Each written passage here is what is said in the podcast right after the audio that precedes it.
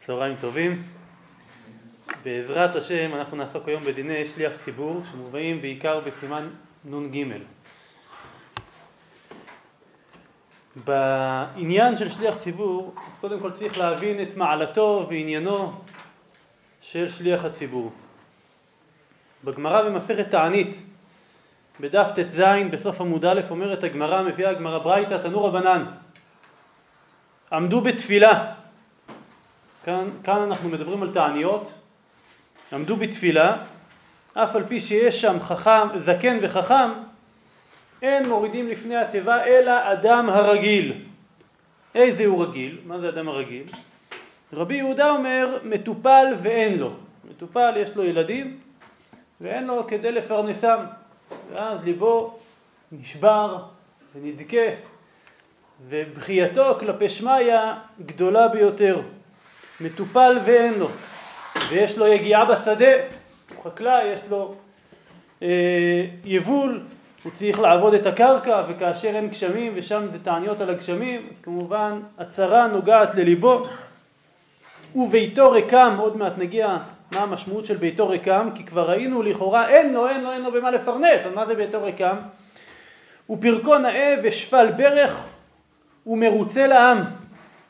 למה צריך שיהיה מרוצה לעם? אנחנו נגיע בהמשך, דברים פשוטים, כי אם הוא שליח ציבור, הוא צריך להיות מרוצה לעם, הוא צריך להיות קודם כל שליח של הציבור. אם אין לו את הדבר הבסיסי הזה, הוא לא שליח של הציבור, הוא אולי שליח של עצמו. ויש לו נעימה וקולו ערב, למה יש לו נעימה וקולו ערב? כי בראש ובראשונה הוא חזן, לפני שאנחנו מדברים על כל המעלות. ובקיא לקרות בתורה ובנביאים ובכתובים. ולשנות במדרש בהלכות ובאגדות ובקיא בכל ההלכות, בכל הברכות כולם. במיוחד בימיהם צריך לדעת שכשלא היה סידורים כשני שלבים של ההתפתחות של העניין, גם מצד זה שדברים שבכתב יד הרשאי אה, אה, לאומרם בעל פה ודברים שבעל פה אסור לכותבם ולכן דברים שבעל פה כל מה שהוא לא תורה, נביאים וכתובים, היה אסור לכתוב אותו. ובין היתר גם ברכות ותפילות. ולכן היה צריך להיות בקיא. ולכן צריך להיות רגיל, בקיא, לקרות בתורה, נביאים, כתובים, וכל זה בשביל שיהיה רגיל בנוסחים, ובקיא בכל הברכות, ויהבו ברבנן עיניי וברבי יצחק בר עמי. אומרת הגמרא היינו מטופל ואין לו היינו ביתו ריקם כפי שציינו לכאורה זה אותו עניין. אומרת הגמרא אמר רב חיסדא זהו שביתו ריקם מן העבירה ביתו ריקם מן העבירה. אין עבירות בביתו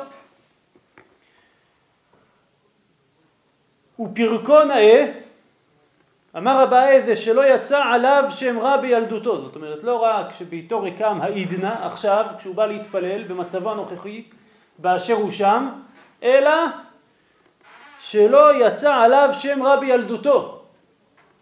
איזושהי מציאות של שלמות אישיותית גדולה מאוד, שהאדם צדיק מאז ומעולם, שלא יצא עליו שם רע בילדותו. הייתה לי נחלתי כאריה ביער, נתנה עליי בקולה, על כן שנאתיה. אומרת הגמרא, מה היא נתנה עליי בקולה? אמר מר זוטרא בר טוביה אמר רב ואמרי לה אמר רבי חמא אמר רבי אלעזר זה שליח ציבור שאינו הגון היורד לפני התיבה נתנה עליי בקולה על כן שנאתיה צריך שליח הציבור להיות הגון. על איזה שליח ציבור מדובר? בפשט הגמרא כאן אנחנו מדברים על שליח ציבור בתעניות. בתעניות הציבור מברכים, מתפללים, עולים, עולה, יורד לפני התיבה, מברך תפילת העמידה, 18 ברכות ועוד 6 ברכות שמוסיפים עליהם, זו תפילה מאוד מאוד ייחודית. מוציאים, מוציאים את התיבה לחובה של עיר, יש ייחודיות בתפילה הזאת ושם צריך באמת אה, צורך גדול יותר בכל העניין של שמיעת וקבלת התפילה על ידי הבורא יתברך ולכן יש את כל המעלות שמובאים כאן מטופל ואין לו ויש לו הגיעה בשדה, בתור ריקם, פרקו נאה, שפלבך, מרוצה לעם, נעימה, כולו ערב, בקיא לקרות וכולי. כך לכאורה בפשט הדברים. בזוהר אנחנו רואים שלכאורה אותה שלמות פנימית, שלמות שבראש ובראשונה היא במעשים, לא רק בחיצוניות, אלא במעשים, היא שלמות שמדברת, מתייחסת לשליח הציבור באשר הוא שליח ציבור. אומר הזוהר בפרשת ויקרא, אגב ענייני הקורבנות, עבודת הקורבנות, עבודת הכהן, אומר הזוהר, רבי יצחק אמר, אם הכהן המשיח יחטא, מה זה אם הכהן המשיח יחטא? דא כהן דלתתא, כהן למטה, כהן הגדול שעובד בבית המקדש, דאית כאן לעבודה, שהוא מיוחד ומתוקן לעבודה, ואיש תקח בחטאה, יש, נמצא בו חטאים, הוא לא שלם בפנימיותו, אז אם הכהן המשיח הוא כזה, לאשמת העם הוא, דעה וודאי. אז מי שבעצם יסבול מהדבר הזה, מי שיאשם מכוח זה, זה יהיה העם. ואומר הזוהר, ואי לאינון דסמיכין עלי, אוי לאותם העם שסומכים על אותו כהן. ועל אותו משקל אומר הזוהר, כגב נדע, כך גם שליחא דציבורא דאישתכח בחטאה. כך גם שליח ציבור שנמצא בו חטא. ואי לאינון דסמכין עלי. שליח ציבור זה לא סתם איזשהו אה, אומן שמוביל הופעה. זה מי שכל הציבור נסמך ונשען עליו, שליח הציבור. הוא השליח שעומד לפני המלך והציבור שולח אותו בשביל שיהיה שלוחם של הציבור להעלות את תפילתם כלפי מעלה. ולכן אומר הזוהר, ואי לאינון דסמכין עלה. ובאמת בהמשך אותו, אה, אותה פסקה בדברי הזוהר הקדוש, אז מספר רבי אלעזר לרבי אבא את ההנהגה שהייתה לאביו לרבי שמעון. אומר הזוהר רבי אלעזר ורבי אבא אבו יתווי ישבו ולמדו בבית המדרש. אמר רבי אלעזר חמינא לאבא ביום דראש השנה ויום הכיפורים. ראיתי את אבי את רבי שמעון בימי ראש השנה ויום הכיפורים בימים הנוראים דלא בא אלה מישמצלותא מכל ברנש. הוא לא רצה שכל אחד יעלה להיות חזן שליח ציבור בבית הכנסת שלו. לא בא אלה מישמצלותא מכל ברנש. אלא איקיים עלה תלת היומין קודם לדקה עלי אלא בתנאי ש... היה עומד רבי שמעון שלושה ימים עם אותו אדם ומטהר אותו, מזכך אותו, מלמד אותו את ענייני התפילות, את ענייני הייחודים, את ענייני הכוונות בתפילה. דרבי שמעון אבא אמר אחי, כך היה אומר רבי שמעון, בתלותא דהאי ברנש דאנה מדקנה, כן, על ידי התפילה של אותו אדם שאני מזכך, יתקע פר עלמא, הוא שליח הציבור, והוא דואג לזה שבתפילה הזאת יתכפר העולם. וכל שכן בתקיעה דשופר דלא מקבל תקיעתא דברנש דלאביהו חכם חכים למיתקא ברזה דתקיעה. אז על אותו משקל כל שכן בתקיעה של השופר שרבי שמעון לא קיבל כל אדם שיהיה בל תוקע אלא אותו אדם שהיה חכם ומכיר את סודות התקיעה.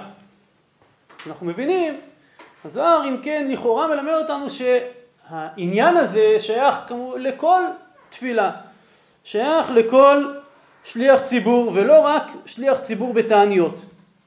הרמב"ם פסק את הגמרא שקראנו בתענית בדף ט"ז, הרמב"ם פוסק את זה בהלכות תעניות. הרמב"ם כתב בהלכות תעניות פרק ד' הלכה ד' איזה הוא הראוי להתפלל בתעניות אלו לכאורה דווקא בתעניות אלו. דברי הרמב"ם לא אמורים על כל תפילה ותפילה. לא אמורים על תפילה של יום חול, על תפילה רגילה. איזה הוא הראוי להתפלל בתעניות אלו? איש שהוא רגיל בתפילה ורגיל לקרות בתורה ובנביאים ובכתובים, הוא מטופל ואין לו ויש לו יגיעה בשדה.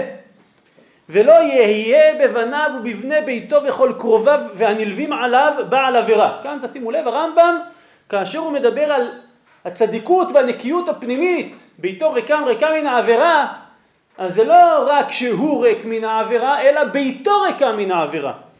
שלא יהיה בבניו ובבני ביתו וכל קרוביו והנלווים עליו בעל עבירה, אלא יהיה ביתו ריקן מן העבירות. ולא יצא עליו שם רע בילדותו.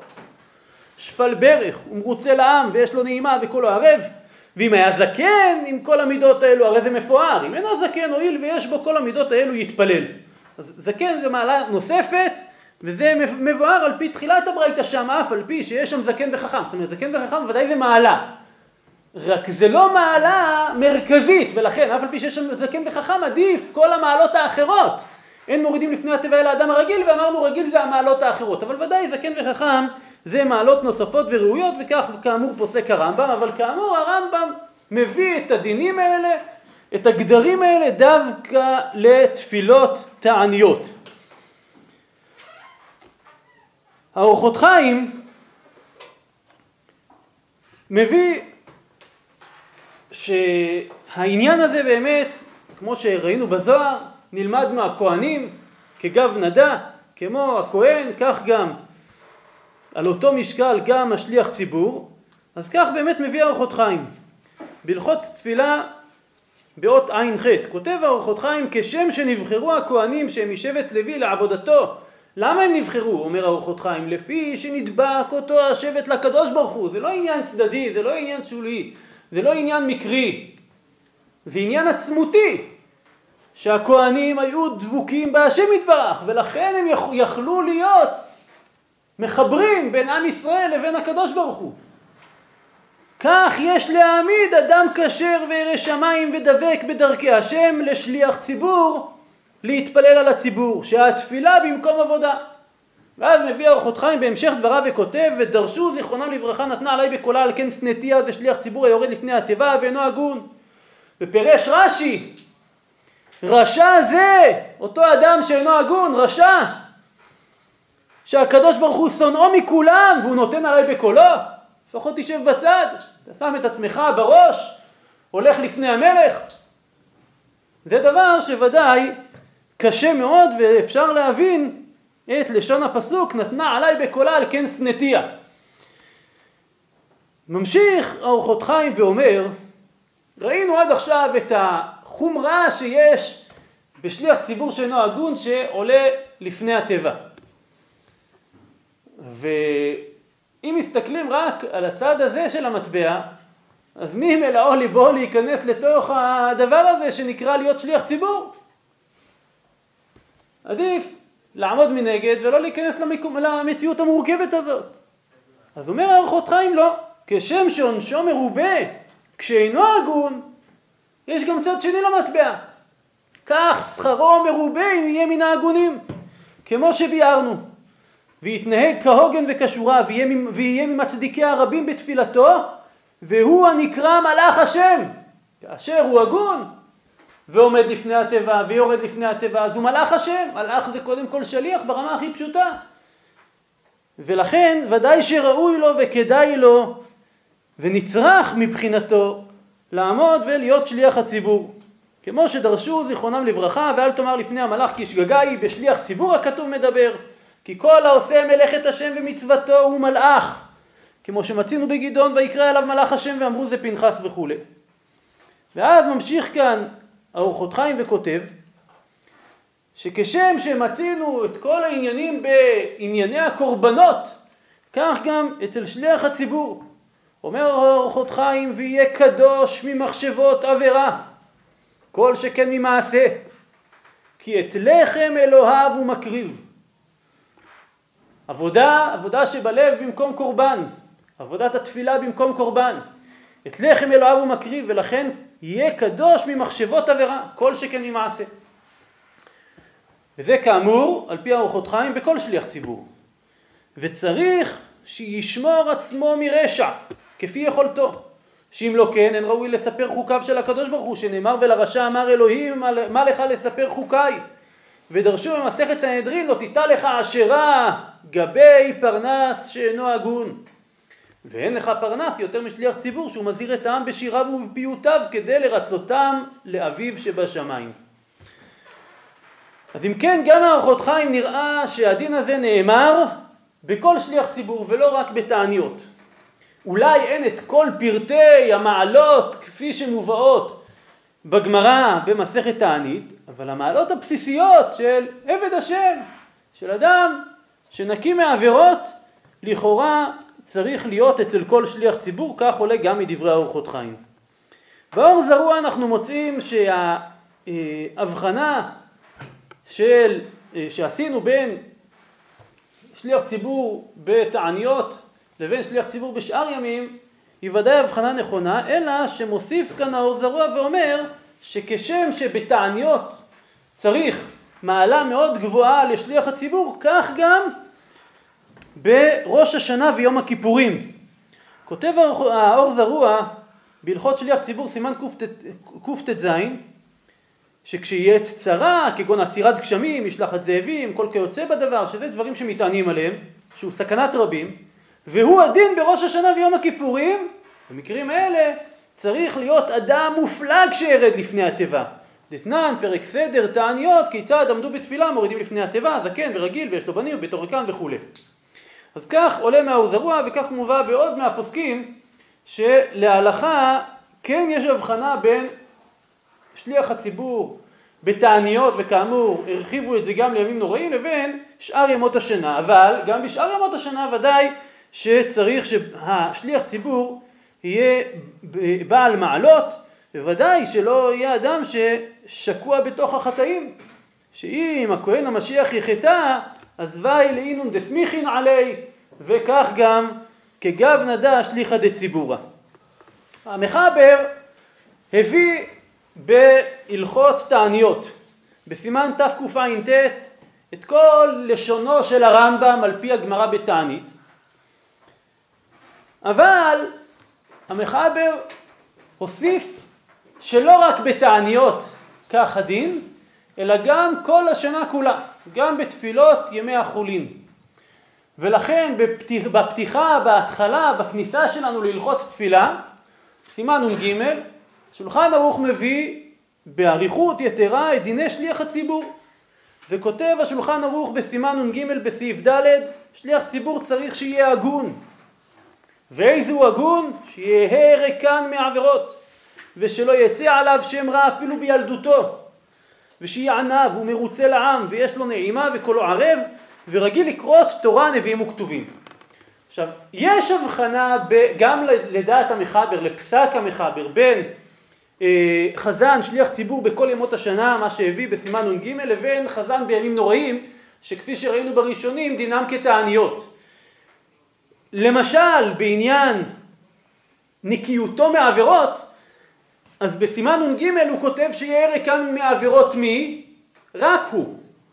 בהלכות אה, בהלכות תעניות השולחן ערוך פוסק ולא יהיה בבניו ובני ביתו וכל קרוביו והנלווים אליו בעל עבירה. אז נראה בפשט הדיוק מדברי המחבר שביום חול בסתם תפילה לא מקפידים על בניו, בני ביתו וכל, וכל קרוביו אלא קודם כל על עצמו. אבל על עצמו כן מקפידים. וכמה מקפידים לא רק השתא עכשיו אלא גם בילדותו. שולחן ערוך פוסק ושלא יצא עליו שם, שם רע אפילו בילדותו. וזה דבר שצריך לברר אותו ולבאר אותו. המשנה ברורה בסעיף קטן י"ב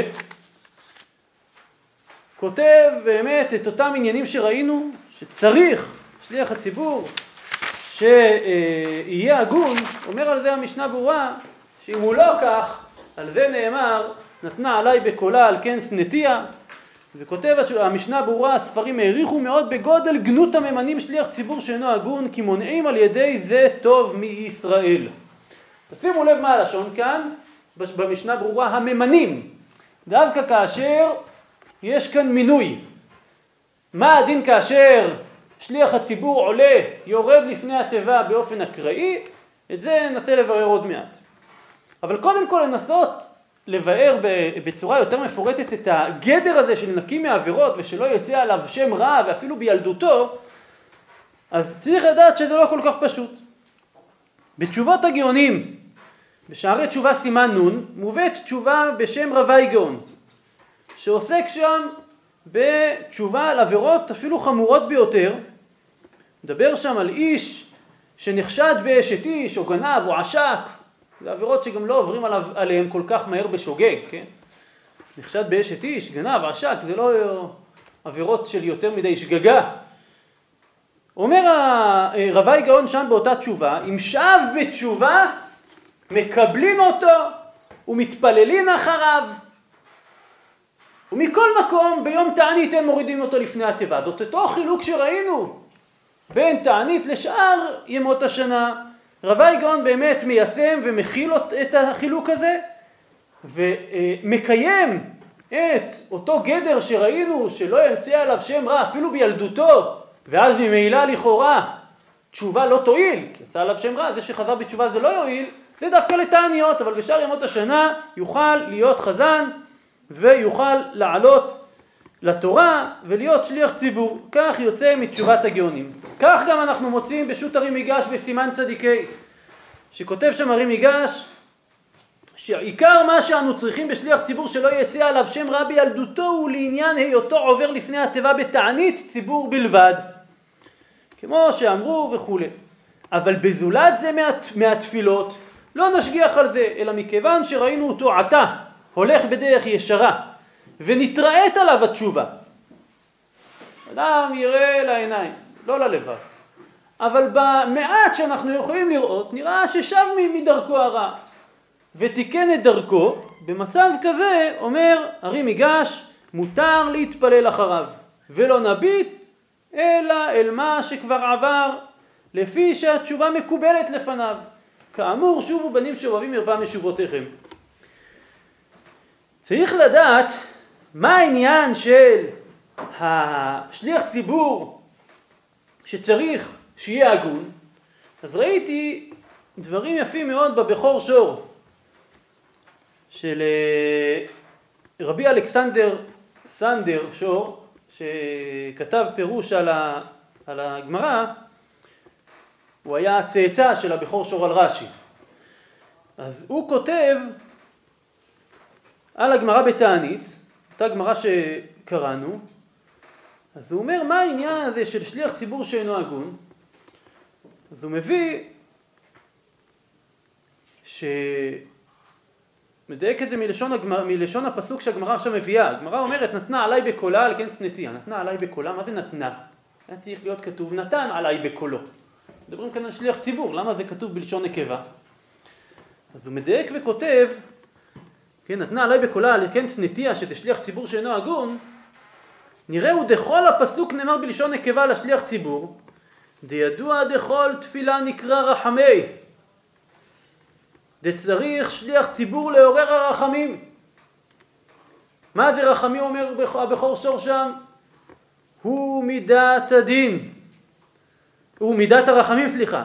מידת הרחמים שהם מצד ימין, סיטרא דימין, שהוא דחורה, כידוע ליודעכם. שליח ציבור שאינו הגון, לא די שאינו מעורר צד דחורה, אלא אפילו מהפך מידת הרחמים למידת הדין, שהוא מצד נוקבה. ואז, לכן קרא בלשון נקבה נתנה עליי בקולה על כן שנאתיה.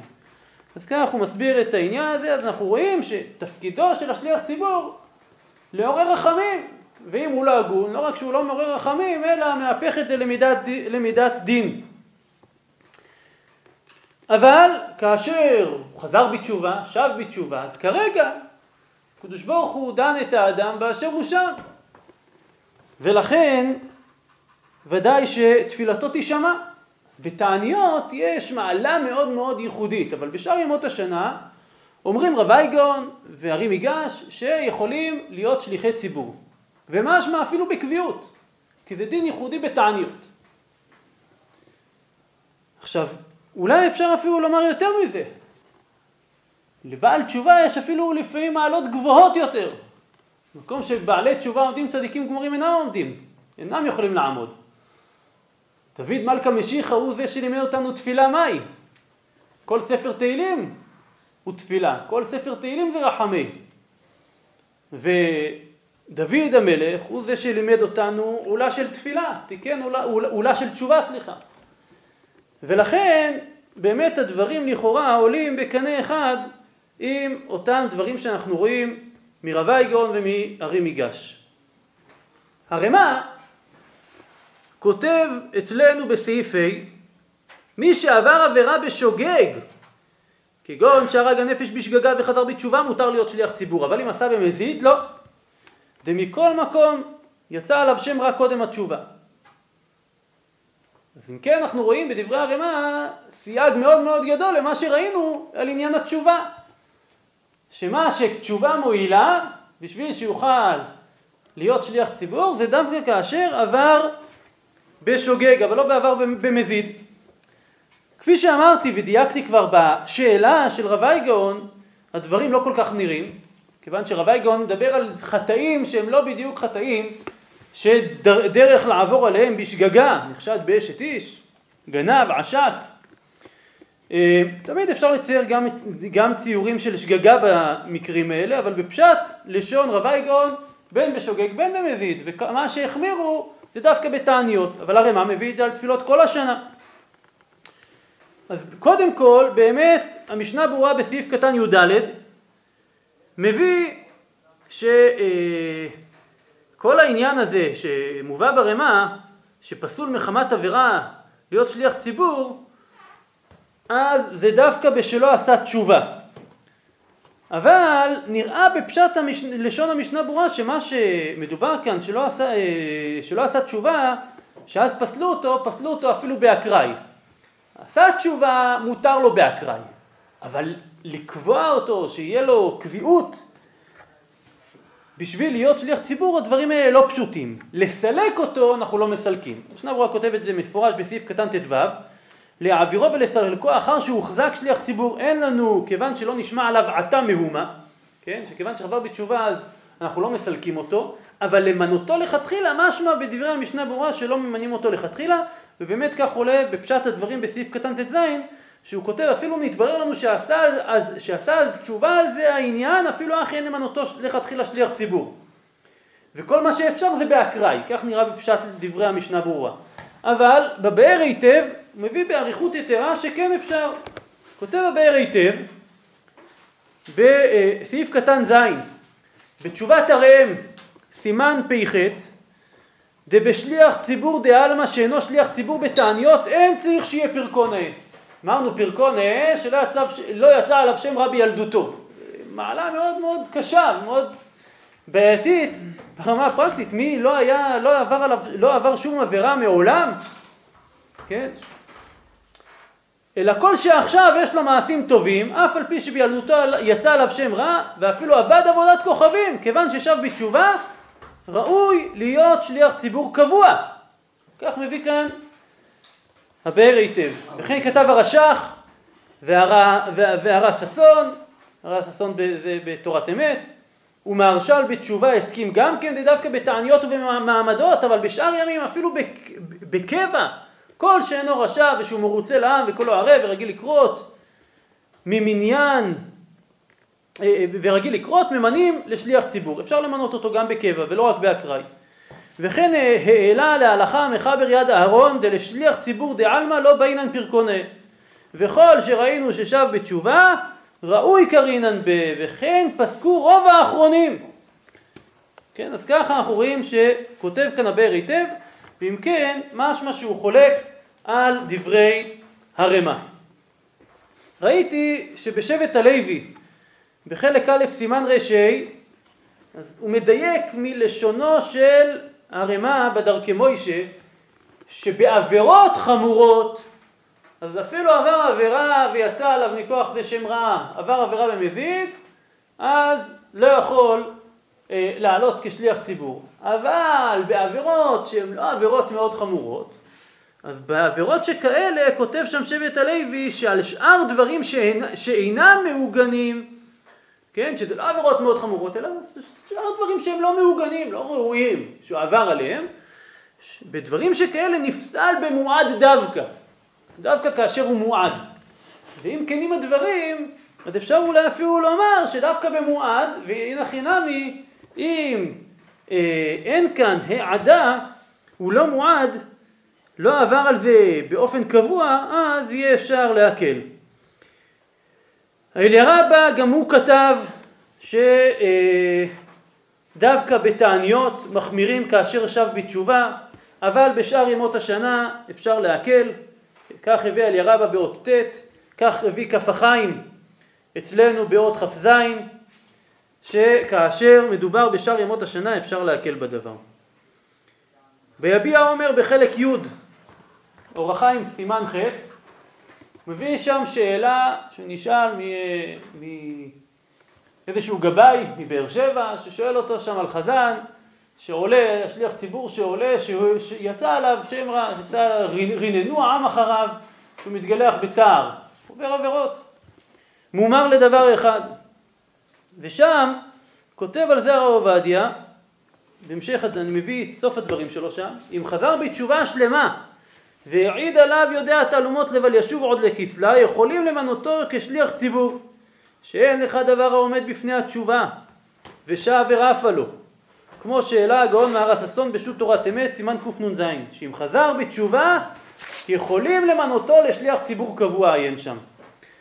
ועל כל שלומי אמוני ישראל לחגור בעוז מותניהם, למנות עליהם אך ורק איש ירא השם אשר במצוותיו חפץ מאוד, והשם יתברך יקבל תפילתם ברצון, יחיש גאולתנו גאולה שלמה אמן, כך מסיים שם מרן הרב עובדיה יוסף את התשובה, ואם כן אנחנו, אנחנו רואים שבאמת הוא הקל כאשר עושים תשובה לקבל גם כ, אה, שלא באקראי שליח ציבור ששב בתשובה שלמה. מה הדין כאשר הוא לא שב בתשובה שלמה. דבר מאוד מצוי. מגיע יהודי שאינו שומר תורה ומצוות, מגיע לבית הכנסת, בדרך כלל מתי הוא מגיע לבית הכנסת? מה? אז על זה אמרו תפילות אבות תקנו. לא עלינו אדם נפ, נפ, נפטרים אבותיו מן העולם, אביו, אמו, על זה אמרו תפילות אבות תקנו, פתאום מתחיל להתפלל, מגיע לבית הכנסת. ולפעמים הוא לא מגיע לבית הכנסת כל הזמן, אבל בוודאי באזכרה מגיע לבית הכנסת ורוצה לעלות חזן ולהגיד קדיש, שוודאי קדיש זה לקדש את שמו יתברך. ונקדשתי בתוך בני ישראל. על ידי זה שהוא מקדש את שמו יתברך, הוא רוצה להעלות את נשמת הוריו מעלה אחר מעלה, והוא רוצה לבוא לעלות חזן, דבר מאוד מאוד מצוי ושכיח. אז הרבה מגדולי הפוסקים אמרו, לא, כרגע הוא עוד לא שר מדרכו הרעה, והוא עדיין עובר עבירות, ולכן הוא לא יוכל לעלות כשליח ציבור. אבל צריך לדעת שהדבר הזה הוא לא פשוט. למה הוא לא פשוט? קודם כל, יש לנו כאן מגמה מאוד ברורה כשאנחנו עוסקים בשאלה הזאת. ובשביל לברר את המגמה בשאלה של אדם שאינו שומר תורה ומצוות שמגיע לבית הכנסת, אני רוצה לקרוא לכם אה, פסקה קצרה מאוד מסוף דבריו של הרמב"ם באיגרת השמד. כותב הרמב"ם, וגם כן אין ראוי להרחיק מחללי שבתות ולמאוס אותם. מה הוא מדבר כאן? אפילו על מחללי שבתות. מחלל שבת בפרהסיה אומרים חז"ל הרי הוא כגוי. אומר על זה הרמב"ם, איגרת השמד, במיוחד הדבר רלוונטי גם לימינו, שכתינוקות שנשבו, ויש לנו בכלל הוויה כזאת, מציאות כזאת של שבי, שעם ישראל זה כבר לא דבר כל כך פשוט, שצריך לשמור שבת. יהודים גדלים לתוך המציאות הזאת. ולכן אפילו, גם אם אינו ראוי, כן, וגם, וגם כי אינו ראוי להרחיק מחיילי שבת, אפילו מדבר בחיילי שבת, אין ראוי להרחיק מחיילי שבתות ולמוס אותם, אלא מקרבם ומזרזם לעשיית המצוות. וכבר פירשו רבותינו זיכרונם לברכה שהפושע אם פשע ברצונו, כשיבוא לבית הכנסת להתפלל מקבלים אותו, ואין נוהגים בו מנהג ביזיון. אותו יהודי מגיע לבית הכנסת, אם לא נקבל אותו, אז הדבר הזה יכול להרחיק. ולאידך גיסא, אם נקבל אותו בזרועות פתוחות, ואפילו נאפשר לו להיות חזן, הרבה פעמים דווקא זה מה שיחבר אותו ביתר שאת, ויגרום לו לקחת על עצמו יותר אחריות על החיים שלו, על עבודת השם שלו, ולכן הדבר הזה הוא לא פשוט. וסמכו על זה מדברי שלמה עליו השלום, לא יבוזו לגנב כי יגנוב למלא נפשו כי ירעב, אל יבוזו לפושעי ישראל שהם באים בסתר לגנוב מצוות. אז הם פושעי ישראל, אבל אפילו רקנים שבהם מלאים מצוות כרימון. ועל זה אמרו חז"ל. אה, כן, וירח את ריח בגדיו, אל תקרי ריח בגדיו אלא ריח בוגדיו. שאפילו רקנים שבהם מלאים מצוות כרימון, ואפילו רקנים באים ורוצים לעבור את השם. מה אעשה שיש שאור שבעיסה שלפעמים מונע, אבל בפנימיותם יש להם רצון פנימי גדול ונשגב לעבור את השם, וכשמגיעים לבית הכנסת, אז איך הלשון כאן של הרמב"ם? כשיבוא לבית הכנסת להתפלל מקבלים אותו ואין נוהגים בו מנהג ביזיון. קודם כל יש לנו כאן מגמה מאוד גדולה. מה נעשה עם פשט דברי הגמרא? אז בדבר הזה ראיתי מהלך מאוד יפה שמביא הרב אליעזר מלמד, שהוא מנסה קודם כל לעמוד על הפער הגדול שהיה בין שליח הציבור בימים עברו לשליח הציבור בימינו אנו. אנחנו יודעים שעיקר תקנת תפילת חזרת השץ, תפילת הציבור, תפילת ציבור זה שעומדים בתפילת הלחש ביחד. ושם מה התפקיד של החזן? אין לו תפקיד. איפה התפקיד של החזן, התפקיד המרכזי של החזן? חזרת השץ. חזרת השץ למה נתקנה? אומרת לנו הגמרא בראש השנה, פרק בתרא בראש השנה, שזה בשביל העם שבשדות שלא בקיאים, בשביל עמי ארצות שלא יודעים לצאת ידי חובה בעצמם, ולכן תיקנו חזרת השץ. עכשיו בימינו, שכולם בקיאים, תפקיד של החזן הוא נמוך יותר. בקריאה, כן, ברמה הכי פשוטה. יש סידורים. עכשיו, זה נכון, הרמב"ם בתשובות שואלים אותו, אם יש קהילה שכולם תלמידי חכמים ובקיאים, אז למה, האם צריך שליח ציבור? הוא אומר צריך שליח ציבור, כי נתבטל הטעם, לא נתבטל התקנה. אבל עדיין, המעמד של שליח הציבור הוא כבר לא כל כך חמור. התיאור של הזוהר שראינו שסומכים עליו, אוי, וי, למאן דסמיך עלי, לאותו אחד שסומך על השליח ציבור, אז אולי אוי ואבוי לו, אבל האם אנחנו, כשאנחנו עומדים בתפילה, אנחנו סומכים על שליח הציבור? לא. בתפילת הלחש אנחנו עומדים בעצמנו לפני בורא עולם. וחזרת השעת זה רק מצד התקנה. עיקר חזרת השעת זה מצד התקנה. ולכן יש סברה להקל בזה יותר. כך כותב הפניני הלכה, כותב, בזמן חז"ל אסור היה לכתוב סידורים משום שרק דברים שבכתב, היינו תנ"ך מותר לכתוב, אבל דברים שבעל פה וכולי אסור היה לכתוב. ואז תפקידו של החזן היה חשוב מאוד, מפני שהיה צריך לומר את כל התפילה בקול רם כדי להוציא את הרבים מידי חובתם. והיו בוחרים חזן קבוע לתפקיד נכבד זה, וכל מה שאמרו לגבי החזן בתעניות שייך גם לגבי החזן הקבוע, ולכתחילה היה צריך שכל אחד ואחד מן הציבור יסכים למינוי החזן. יש לנו הרבה הלכות שמתייחסות לגבי היכולת של המיעוט, של היחידים, לערער על מינויו של חזן, של שליח ציבור. למה? כי גם אותו יחיד הוא צריך לקבל את שליח הציבור, כי הוא נשען ונסמך על אותו שליח ציבור. ולכן אי אפשר להתעלם מהבקשה שלו, מהצורך שלו, אולי מהריחוק שלו מאותו שליח ציבור. אנחנו נגיע עוד מעט לדינים של, של אה, מה, מה הדין של שליח ציבור שיש לו שונאים בבית הכנסת, איך הוא יכול להוציא אותם ידי חובה. ולכן היה אפשר אה, למנוע. ולכתחילה היה צריך שכל אחד ואחד מן הציבור יסכים למינוי החזן מפני שהוא היה מוציאו ידי חובתו. אולם כיום שיש לכולם סידורים, תפקידו של החזן פח, פחות חשוב. ואין נוהגים לבחור חזן קבוע לכל השנה, אלא בכל יום אדם אחר עובר לפני התיבה. ולכן פחות מדקדקים בבחירת החזן. אז זה המהלך שלו, בפועל הוא כותב כאן שאף על פי כן כמובן צריך להשתדל שיהיו חזנים הגונים. אבל אה, המהלך שלו ודאי מכשיר את הקרקע לכך שיהיה אפשר להקל בימינו, שכיוון שתפקיד החזן הוא פחות, והצורך לקבל אותם בבית הכנסת הוא צורך גבוה, כפי שמובא ברמב"ם באיגרת השמד, אז יש רבים וגדולים מגדולי ישראל שבפועל מקלים ומאפשרים לתת לחזנים גם שלא תיקנו עדיין את דרכם לעלות להיות חזנים.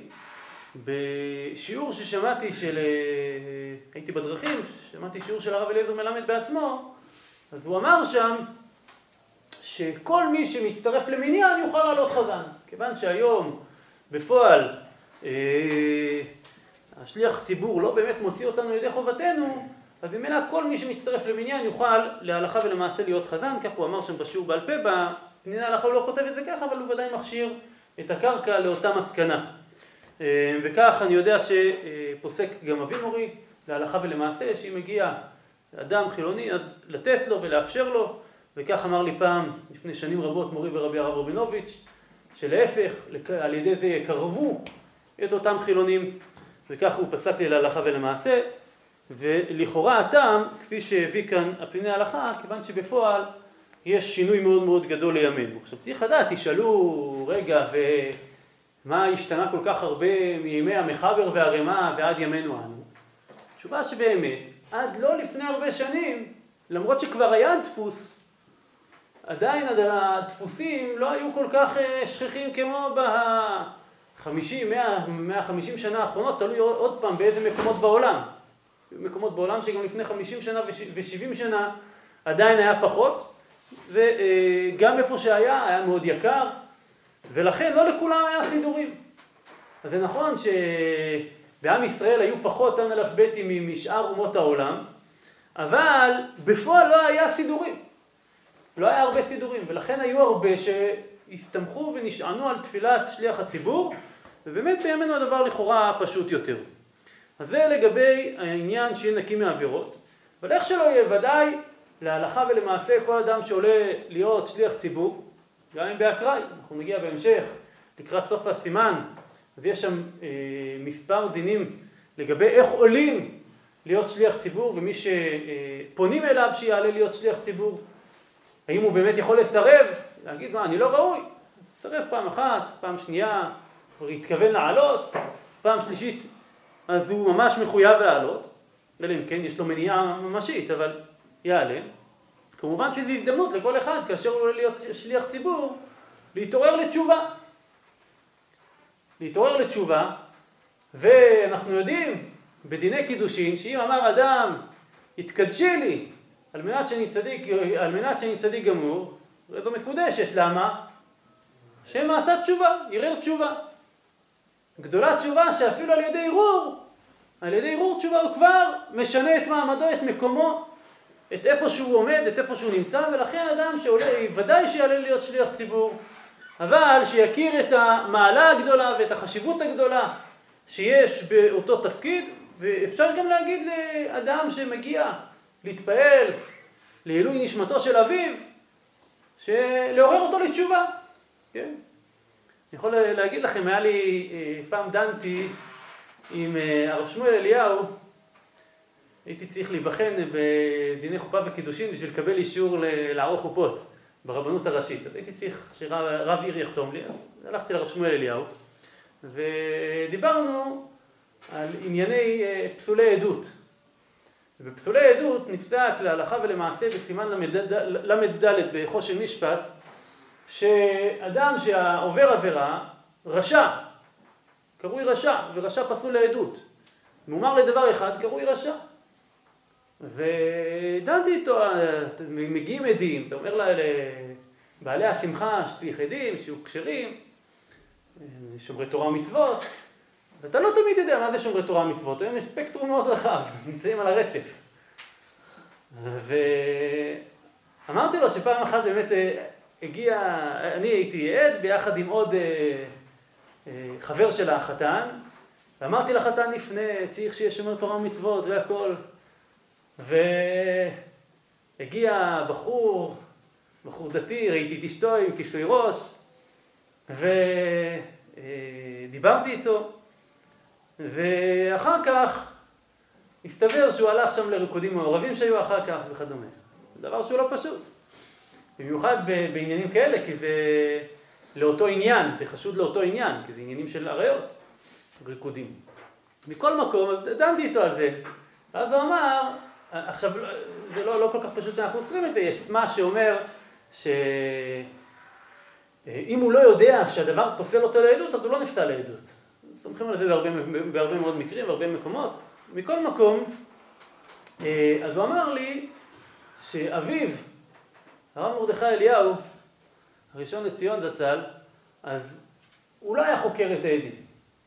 התחיל לבדוק יותר מדי, היה רואה יהודי שומר תורה ומצוות, היה מקבל אותו כעד, אבל הוא היה מעורר אותו לתשובה. היה יושב איתו, מעורר אותו לתשובה. ואז מהי נפקא מינה אם יש לו, הוא מדייק בדיוק באיזשהו דרך, עכשיו הוא, הוא צדיק גמור, ולכן היה מעורר אותו לתשובה. באמת ראיתי אחר כך שהרב אה, שמואל אליהו ברוך אומר ועושה, לא רק סיפר לי את זה כסיפור, אלא להלכה ולמעשה. מעורר לתשובה, וכשהוא עורך חופה וקידושין, אז לא רק מעורר לתשובה את העדים, אלא את כל הקהל שעומדים שם, עושה מעמדים מאוד מאוד יפים וראויים. אז גם בהקשר הזה אני חושב שאפשר להתעורר לתשובה ברמה האישית, כל אדם שעולה שליח ציבור, לא יסרב הרבה, כפי שנראה בסוף הסימן, וכשהוא נצרך לעלות, יעצור רגע ויתעורר לתשובה. זו הזדמנות. בשביל שיהיה ראוי להיות שליח השם ושליח עם ישראל לפני השם. אה, אז זה לגבי העניין של הצדיקות, המעלה הפנימית של שליח הציבור. יש עוד כל מיני מעלות שנמנו כאן, וננסה לפרוט אותן ככל שהזמן ייתן לנו. אה, עניין ראשון שאני רוצה לעסוק בו זה הגיל והמעמד האישותי של שליח הציבור. האורחות חיים, כפי שראינו, לומד, מקיש מענייני עבודה, עבודת המקדש, לענייני שליח הציבור. והוא כותב שם בהלכות תפילה, באות ע"ח, צריך לדקדק שיהיה בשניו כמספר שני העובדים עבודה. מכ"ה שנה ולמעלה. כן, שם הוא מדבר על הכהנים, למרות שבפועל זה לוויים, הלוויים יש להם מכ"ה שנה, כתוב זאת אשר ללוויים מבין חמש ועשרים שנה ומעלה, יבוא לצוות צבא בעבודת אוהל מועד, כהנים, מרגע שהם גדולים, כן, מי שהביאו בית שערות, אז הם כבר יכולים לעבוד עבודה, אבל לוויים מכ"ה שנה. אז אם כן הוא כותב צריך לדקדק שהוא בשנה כמספר שני עבודה מכ"ה שנה ולמעלה, ומצווה מן המובחר מבין שלושים שנה. מה יש בגיל שלושים שנה? שאז הוא בחצי ימי הזקנה, וליבו נכנע ונשבר יותר. אנחנו יודעים, חז"ל אומרים, בין שישים לזקנה. חצי ימי זקנה, האדם מה שנקרא מחליף תקליט. יש את ימי הילדות והנערות, ויש זקנה. אדם פתאום בגיל 30 תופס את עצמו, יש משבר גיל ה-30, משבר גיל 40, משבר... מה, מה קורה שם? הוא פתאום תופס את עצמו, אומר, רגע, הזמן עובר, הזמן אוזל. יש לו את מה שקורא לו הרב יעקב יראת ההחמצה, להחמיץ את העבודה שיש לו בעולם. ואז במובן מסוים התודעה הפנימית שלו לתיקון, לתיקון עולם, לתיקון של עצמו, למה שהוא מותיר בעולם, תודעה הרבה יותר גבוהה. זה מה שכותב כאן האורחות חיים, שהוא בחצי ימי הזקנה ליבו נכנע ונשבר יותר, כן? פתאום הוא מחליף תקליט, הוא משנה פאזה תפיסתית. אז הוא אומר, רגע, אדם צעיר, כביכול כל חייו לפניו, הוא חי את היום, חי את הרגע. פתאום עוברים כל כך הרבה רגעים, הוא תופס את עצמו ונמצא באיזושהי עמדה של חשבון נפש גדול יותר וליבו נכנע ונשבר יותר, כך לשונו של האורחות חיים. ובנוסף לזה כותב שם האורחות חיים, שנהגו שלא רק שיהיה בן שלושים שנה, או לפחות כ"ה, אלא נהגו שאין, שאין מתפלל אלא מי שהוא נשוי, נשוי אישה דומיה דכהן גדול. כן? וכיפר בעדו ובעד ביתו, ביתו זו אשתו אומרת הגמרא במסכת יומא, שצריך שיהיה נשוי. דקו, כן, דומיה דכהן גדול, שאמרו זיכרונם לברכה שצריך שיהיה לו אישה לשומרו מן החטא. עניין נוסף שיש באישה, לשומרו מן החטא. כדאמרי ענתם דהיינו שהן שומרות אותנו מן החטא, ודרשו זיכרונם לברכה עיר קטנה ואנשים במעט. זה ציבור, ובא אליה מלך גדול, זה הקדוש ברוך הוא. ומצא בה איש מסכן וחכם, ומילאת הוא העיר בחוכמתו, זה שליח ציבור. זה שליח ציבור תפקידו למלט את העיר, לתקן את העולם, ולכן הוא צריך להיות נקי מן החטא, ועל ידי זה שהוא נשוי, הדבר קל יותר בידיו. הרמ"א בהלכות ראש השנה, בסימן תקפ"א, הביא שידקדקו לחזור אחר שליח ציבור היותר הגון והיותר גדול בתורה ומעשים טובים שאפשר למצוא. ראינו שהאור זרוע והראש ועוד ראשונים כתבו שדין ימים נוראים כדין תעניות, ולכן מקפידים שם יותר בענייני שליח הציבור. ולכן הוא כותב שצריך לדקדק, לחזר, לחזר אחר שליח ציבור יותר הגון ויותר גדול בתורה ומעשים שאפשר למצוא, שיתפלל, שיתפלל סליחות בימים נוראים. ואז הוא מביא באמת את הדברים של האורחות חיים, את הגדרים שהביא האורחות חיים. ושיהיה בן שלושים שנים, גם שיהיה נשוי. מיהו כל ישראל כשרים הם רק כשיהיה מרוצה לקהל. זה לכתחילה, כל ישראל כשרים רק כשיהיה מרוצה לקהל, זה הדבר הכי בסיסי בשליח ציבור, שיהיה מרוצה לקהל, אבל לכתחילה הוא מביא שיהיה בן שלושים שנים וגם שיהיה נשוי, ובאמת המשנה ברורה כותב שם, סעיף קטן י"ג, בסימן תקפ"א, דומיה דכהן גדול, שהיו מכינים לו אישה וכולי. ואז כותב המשנה ברורה, פשוט, דאם מזדמן לו שניים, אחד שהוא בן תורה וירא חטא, ואין לו את הפרטים, את אלו פרטים, כן? הוא לא נשוי, הוא לא בן שלושים, אבל תלמיד ישיבה, ירא חטא, תלמיד חכם, בן תורה. והשני, הוא איש פשוט והוא נשוי ויותר מבן שלושים. אומר המשנה ברורה פשוט שהבן תורה קודם, כן? אם הדברים העיקריים, המרכזיים, הפנימיים, המעלות העיקריות נמצאות בו, אז ודאי שזה עדיף על מעלות שהן רק מלמדות ומאפשרות את המעלות הפנימיות. אצלנו בסעיף קטן י"ח בסימן נ"ג בעניין שליח ציבור של יום חול, של שאר ימים, אז המשנה ברורה מביא בשם הפרי מגדים שלמד שדווקא ביום הכיפורים ובראש השנה צריך להקפיד שיהיה נשוי ובן שלושים שנה אבל בשאר ימות השנה אפשר גם מי שלא נשוי ולא בן שלושים שנה.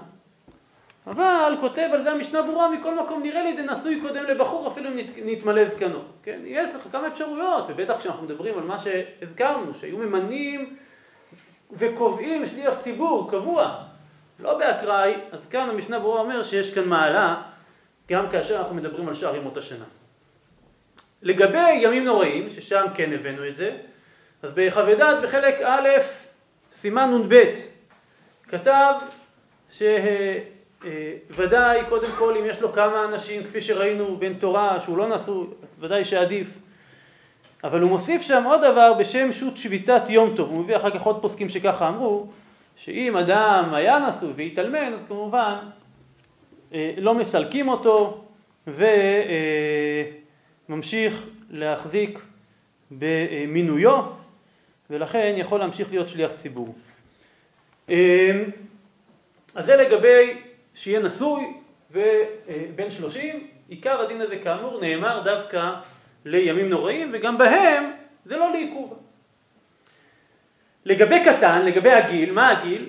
אז המשנה במסכת מגילה בפרק ד' משנה ו' אומרת קטן קורא בתורה ומתרגם אבל אינו פורס על, שמה ואינו עובר לפני התיבה ואינו נושא את כפיו. סימן שאם הוא לא קטן אם הוא גדול, מה זה גדול? בן י"ג שנים שהביא שתי שערות, י"ג שנים ויום אחד, אז הוא כן עושה את כפיו, הוא כן עובר לפני התיבה, וכן פורס על שמה, כך בפשט המשנה במסכת מגילה. אבל בגמרא במסכת חולין, בדף כ"ד עמוד ב', מביאה הגמרא ברייתא, תנו רבנן, נתמלא זקנו, ראוי לעשות שליח ציבור ולרד לפני התיבה ולישא את כפיו. מקשים הראשונים, לכאורה תימה גדולה, בפשט המשנה במגילה ראינו שכיוון שיצא מכלל קטן, אז עובר לפני התיבה. וכאן אנחנו רואים שדווקא מתמלא זקנו. ראוי. מה? ראוי לעשות. זאת אומרת, ראוי לעשות זה גדר של לכתחילה ודיעבד. אז מעין זה אפשר למצוא באמת ברמב"ן. הרמב"ן אומר דהתם יורד בשצריכין לו ואין שם אחר, אבל אינו כבוד, כבוד לציבור. ואינו ראוי להם למנותו שליח ציבור קבוע לירד לפני התיבה. אז קודם כל, למנותו קבוע בוודאי שלא, רק מתמלא זקנו. אבל גם לא קבוע, זה רק מה? בדיעבד. שמה? כותב שם הרי מה? הרמב"ן, סליחה, בחידושים במסכת חולין, דף כ"ד עמוד ב', בשצריכין לו ואין שם אחר. דווקא כשאין אחר, ומשמע אפילו באקראי. אפילו באקראי, דווקא כאשר אין שם אחר. כך משמע מהרמב"ן. אבל הרשב"א, תלמידו, כותב לידיה שיש לומר דעתם לעשות שליח ציבור קבוע ולרד לפני התיבה תדיר. דווקא זה, דווקא קבוע צריך שנתמלא זקנו. הבאקראי ולעיתים כל שבשתי שערות מותר. משמע מותר, אפילו יש שם אחר. להלכה ולמעשה השולחן ערוך פסק לקולה כדברי הרשב"א, כתב השולחן ערוך אצלנו סעיף ו' אין ממנים אלא מי שנתמלא זקנו מפני כבוד הציבור אבל באקראי מי שהביא שתי שערות יוכל לרד לפני התיבה ובלבד שלא יתמנה מפי הציבור או מפי שליח ציבור הממנה אותו להקל מעליו להתפלל בעדו לעיתים ידועים זאת אומרת איזשהו שוליה כזה, שוליה של השליח ציבור, גם את זה לא למנות באופן אה, קבוע כי יש כאן סוג של קביעות אבל כל שזה לא בקביעות, כל שזה באקראי יכול לעלות חזן. הרמ"א בסעיף ה' כותב שאם היה עם הארץ זקן וקולו נעים ועם חפצים בו ובן י"ג שנה מבין מה שאומר ואין קולו נעים, הקטן הוא קודם. כן? אז זה כמובן לגבי האקראי, הקטן הוא קודם, כיוון שמבין, העיקר שיבין, אם הוא לא מבין את מה שאומר, איזה מין, איזה מין אה, תפילה זאת. עיקר התפילה זה שיבין, אם הוא לא מבין איך הוא יכול להתכוון, על מה הוא מתכוון. ולכן קודם אותו בן י"ג שנה לזקן שהוא עם הארץ וקולו נעים ועם חפצים בו. כך כותב הרמ"א בסעיף ה'. חשוב לציין שהמשנה ברורה כותב על העניין של האקראי, שבאקראי ממנים, כותב המשנה ברורה מתי באקראי ממנים?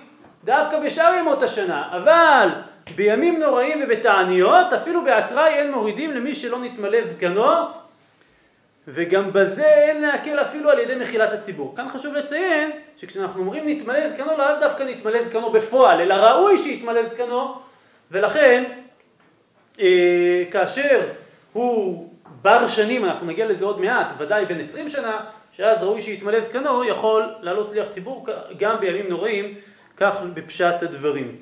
יש דיון מעניין מאוד בביאור הלכה, שהוא דן במקרה מאוד שכיח. מה הדין באבל קטן?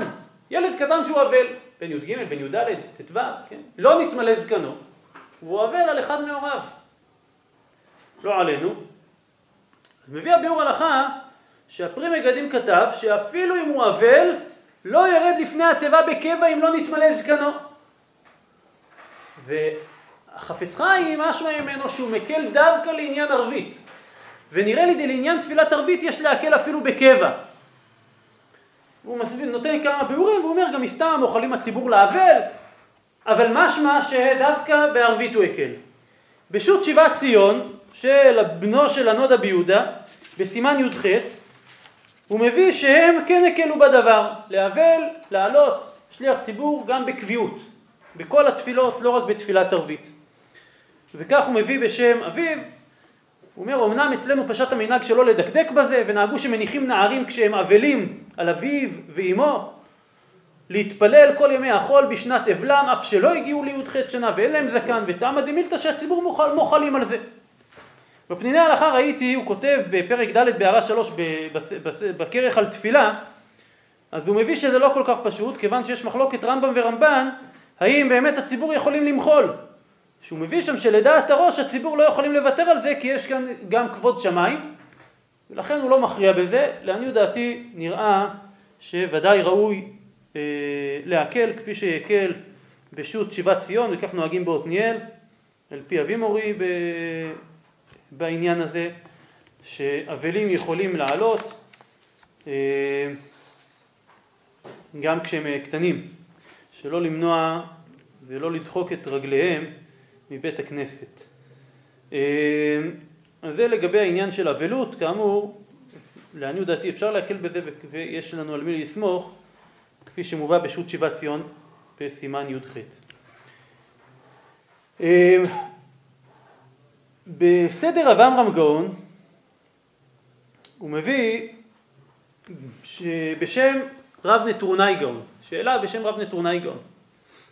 כותב תוש אילו מקמי רב נטורנאי גאון, מקום שאין מי שרגיל לרד לפני התיבה אלא אחד, ופעמים שטרוד במלאכה, ויש נערים שהגיעו לשמונה עשרה שנה ולשבע עשרה שנה ולא נתמלא זקנם, מהו שיעשו שלוחי ציבור ויוציאו רבים ידי חובתם ואל ייבטלו מן התפילה. הוא כותב ודאי שכשיש צורך, אז על זה לא דיברו, כשיש צורך ואין מישהו אחר ודאי שאפשר להקל וכך פסק השולחן ערוך בסעיף ז', אם אין שם מי שיודע להיות שליח ציבור, כי אם בין י"ג ויום אחד, מוטב שיהיו שליח ציבור מי שיבטלו מלשמוע קדושה וקדיש. לא על זה דובר, וזה כולי עלמא מודו, שאם אין שם מישהו אחר, אז ייתנו לאותו בן י"ג, ואפילו דרך קבע. לגבי העניין של נתמלא זקנו ומה הדין אצל שריף שלא עתיד בכלל שיתמלא זקנו. אז הבית יוסף מביא דיוק ממסכת סופרים בפרק י"ד הלכה י"ג. כתוב במסכת סופרים קטן שאמרו מבין 12 שנה ולמעלן פורס על שמה. והעובר לפני התיבה והנושא את כפיו עד שיהיה בן 20 שנה. הוא בעל זקן. אבל אם אין לו זקן והוא בן 20, אף על פי שנראה כסריס. ויש אומרים אפילו סריס עצמו מותר. אז מה אנחנו רואים מפורש? שכיוון שהגיע לכלל שנים, בן 20 שנה, אז למרות שהוא נראה כסריס, לא גדל לו זקן, בכל זאת מותר, והוא מביא שיש אומרים, הוא בא שם במסכת סופרים, יש אומרים אפילו סריס עצמו מותר. אבל אם עלה זקנו אפילו מבין 18, אפילו, עלה אפילו קצת, כך, מדי, כך מדייקים כאן הפוסקים, וכך דייק הבית יוסף מלשון הרמב"ם. הרמב"ם בהלכות תפילה בפרק ט"ו בהלכה ד' עוסק בכהן נער לעניין נשיאות כפיים. והוא כותב, כהן נער לא יישא את כפיו עד שיתמלא זקנו. אז אומר המחבר, משמע, מה כותב שם הרמב"ם? כהן נער עד שיתמלא זקנו. סימן שאם הוא לא נער, אף על פי שלא יתמלא זקנו. כיוון שראוי שיתמלא זקנו, אז כבעל זקן דמי, וכך פסק השולחן ערוך בסעיף ח'. מי שאינו בעל זקן כל שניכר בו שהגיע לכלל שנים שראוי להתמלות זקנו, נתמלא זקנו קרינן בי. ילקח בן כף שנה אף על פי שאינו זקן ממנים אותו.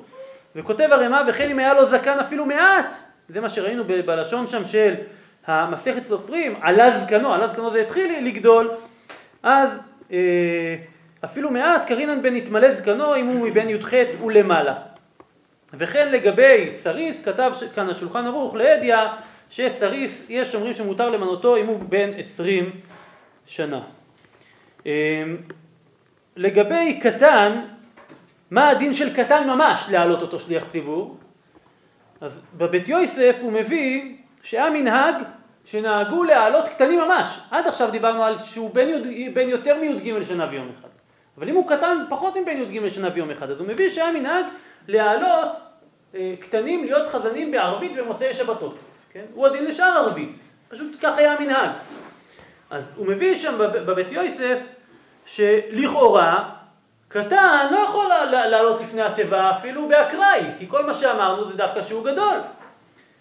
ואז הוא מביא ששמע שהרב רבי יוסף אבודרהם קרא תיגר על מנהג זה שנהגו הקטנים לרד לפני התיבה במוצאי שבתות. וכך גם רבי יצחק דליון שכתב לבטל המנהג. אבל הוא מביא שלכאורה יהיה אפשר להביא סמך לאותו מנהג על פי רשב"א בתשובות.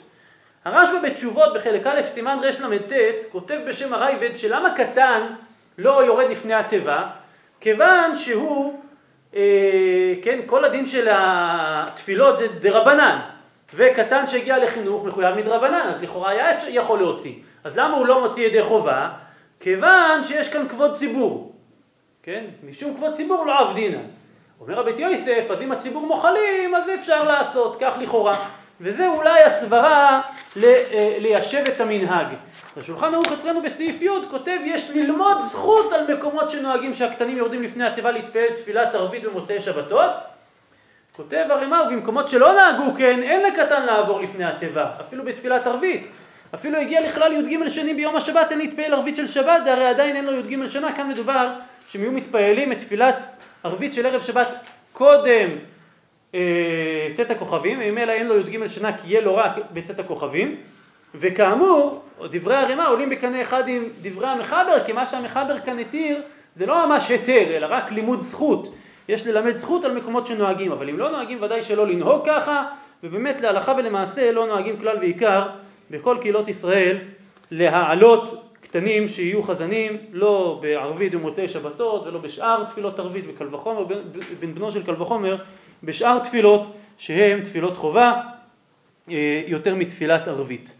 אז אם כן זה לגבי עניין הגיל ומעמדו האישותי בעזרת השם בפעם הבאה ננסה להשלים את הסימן בעניינים של אה, הצורך שיהיה מרוצה לעם שאמרנו שזה עיקר עניינו של השליח ציבור שיהיה מרוצה לעם, אה, לגבי אה, עניינים שקשורים אה, לאופן שבו האדם עולה להיות שליח ציבור,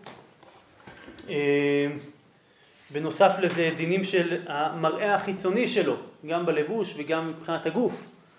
דין פוחח שעוסק בו המחבר בסעיף י"ג, נפקא מינה גדולה לענייני שרוולים, אורך שרוולים, מכנסיים קצרות מהדין, סוגיות מאוד מעשיות ושכיחות ביותר, שבעזרת השם ננסה לברר אותן בשבוע הבא, ובעזרת השם נתפלל שהקדוש ברוך הוא ישמע תפילתנו ויקבל תפילתנו לרצון, שנזכה בעזרת השם לעבודת המקדש, שעיקר עבודה, עבודת התפילה כנגד קורבנות, אז שנזכה שלא יהיה רק כנגד אלא קורבנות ממש במהרה בימינו, אמן ואמן.